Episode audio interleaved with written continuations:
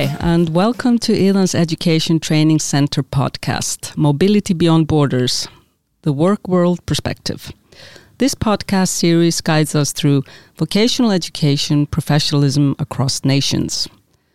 My name is Helen Gray, and I've been working in international topics for the past 20 years, uh, mainly to do with vocational education and training. Have you wondered how it is to work in a different country?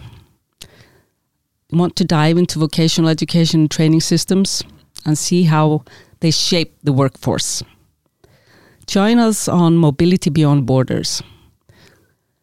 A work world perspective made possible through European initiatives such as Erasmus. In this series, we invite you to join us to explore a German impression on Icelandic workplace vocational education systems, inclusiveness, and the importance of international collaboration, and more. Get ready to expand your knowledge and gain valuable insights. So let's get started. Uh, here today we have Tim Schaumburg. Yeah. From Germany, uh, who has had the experience and benefits of cross border mobility and has spent the last four weeks here at Iðan visiting and learning about Icelandic vocational system, Icelandic workplace culture and environment, inclusion and access to public and private service through organizations such as the National Confederation of for the Physical Disabled and the Icelandic Disability Alliance. Tim has also visited the municipality of Mosfellsbær to learn how municipalities are run. So, Tim, tell me, where in Germany are you from and why are you here in Iceland? Yeah, daginn and hello. Yeah, daginn too. Um, yeah, I'm from Kassel in Germany. It's basically the middle of the country, closer to um, Frankfurt, which is the next big city, I would say.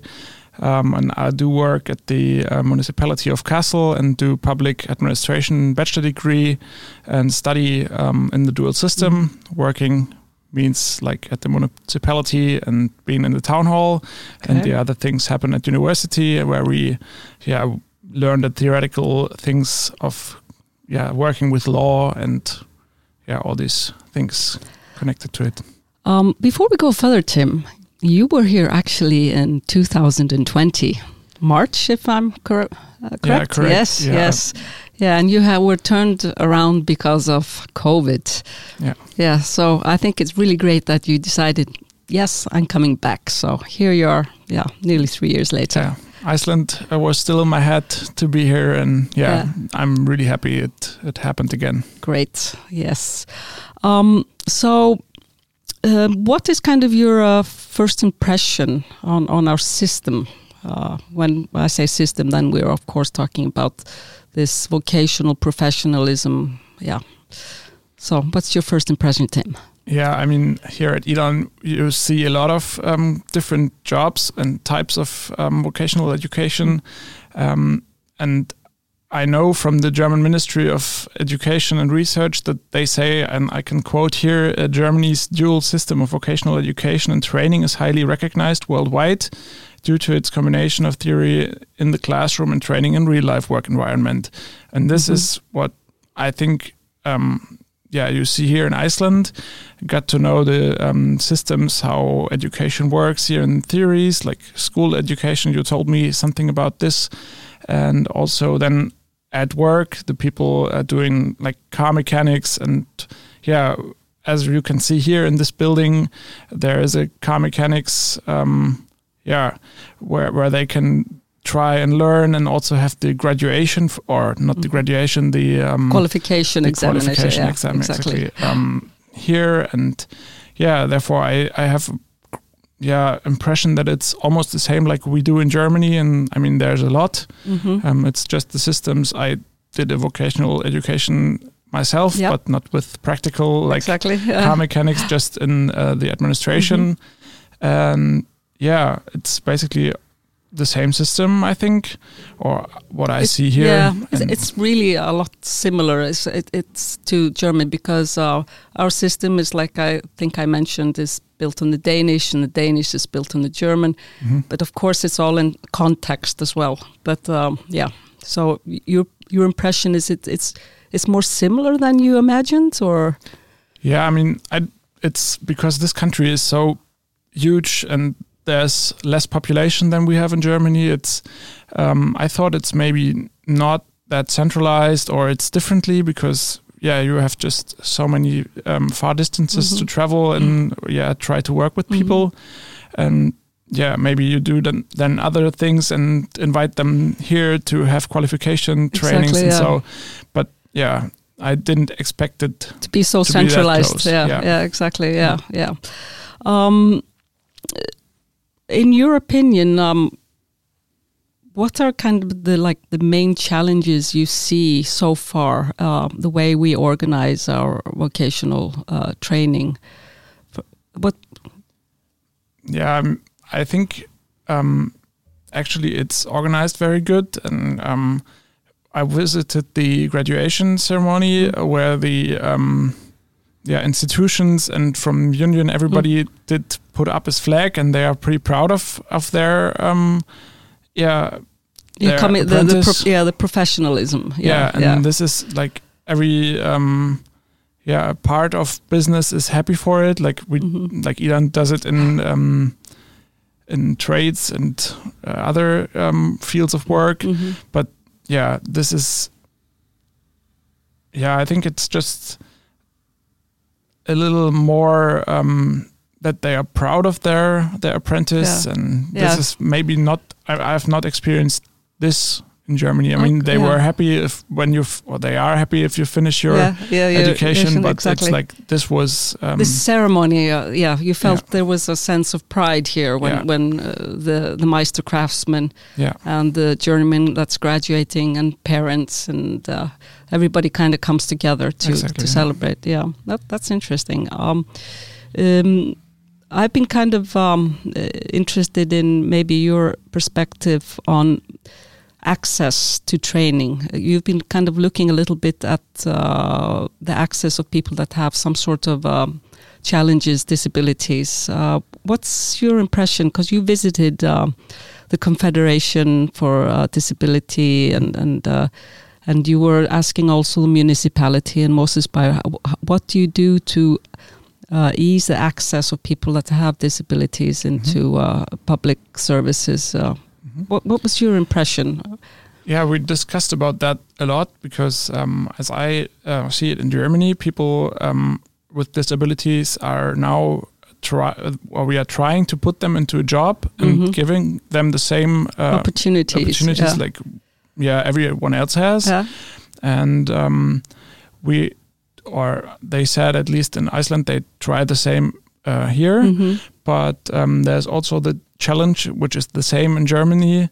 Um, they can be working there, but maybe they need assistance, assistance or so, yeah. and, and yeah. there's no job for this. I mean, yeah. it's not bad that they are there. Then you just have to help them, and this costs some workforce as well. And then, yeah, maybe you you don't have um, the resources to to help them and getting into the whole job and make them work self. So your impression is that everybody wants to uh, support and um, assist uh, people that want to come into the workforce, but we are lacking in resources. Yeah, yeah, yeah kind of.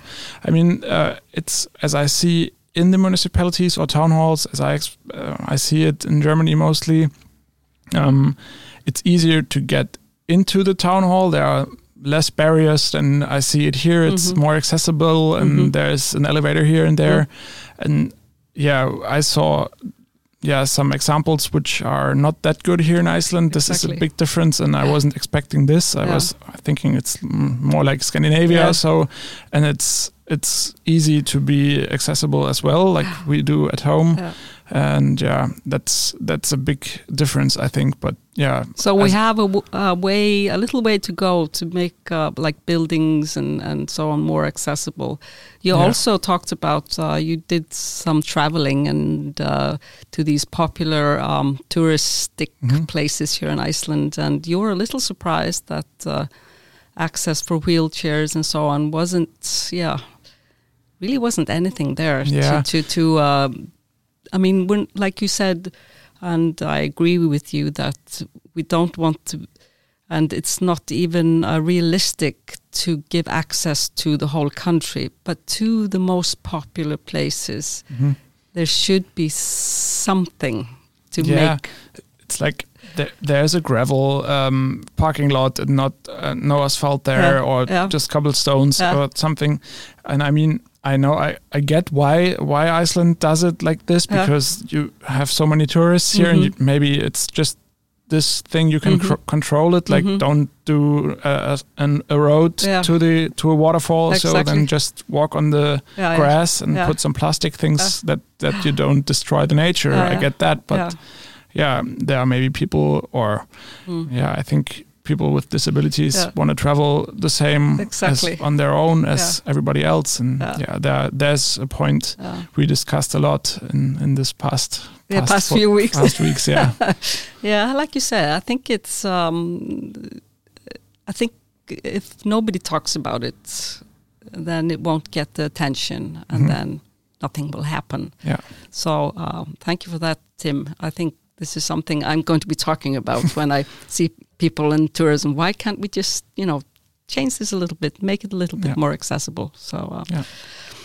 Um, so um, from um, a public administrative view, and that is really what you are studying is public administration. Um, um, what has been your like impressions so so far? Yeah. I mean, I, I don't have the um, impression into the actual studies, studies what, exactly. yeah. what what they get an education here Mhm, for, mhm. but at Mosfellsbær we were talking, yeah, finding some or more similarities Mhm. than I expected. Exactly. Yeah. and it's basically the same system. And I Mm. were, they were like, "Oh, do you want to work work here afterwards?" And I was like, "No, I have to uh, first uh, Learn finish." Icelandic, but Yeah, and this as well. this is a big, um, big thing yeah. to learn, I think. But yeah, no. no, that we were just joking Yeah, a bit exactly. there. But um, But yeah, the similarities were more than you expected, Yeah, which is great, Yeah. really. Um, what has been your impression in regards with um, um, workplace culture? Like here, you've nearly been here for four weeks, and you have attended staff meetings and different kinds of meetings, and and really visited all the different stations and and uh, shared with us lunches and coffee breaks. And so, what is this kind of your impression of, of uh, and I think we're pretty typical Icelandic working workplace. yeah, I, I don't. Yeah, if this is a typical Icelandic Uh-huh. workplace, then it's like you mentioned the coffee breaks Yeah. and lunch together. It's um, giving, yeah, a feeling of being together Mhm. um, in this, and it's cool to have a private conversa- Mm. conversation Mhm. um, in the morning Mhm. or how you Mhm. feel today Mhm. and this and that.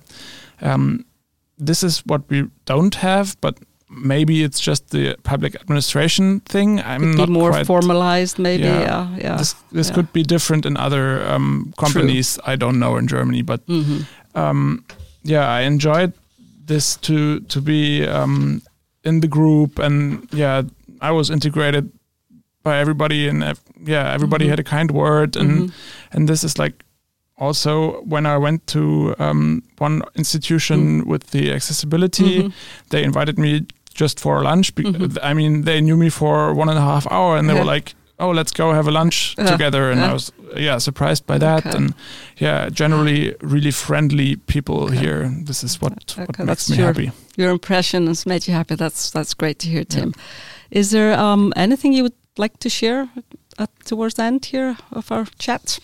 Yeah, maybe uh, worth to say that um, staying longer in foreign countries and yeah, this really gives gives you the opportunity to see not only work, and it gives you the opportunity to to get an impression of the society, and yeah, it's not only the work as I mentioned. Just yeah, you have to go to the grocery store or go swimming. Like this is a big um, cultural thing here in Iceland and yeah, visit some sports events or yeah, simply get into conversation with with um, Icelandic people.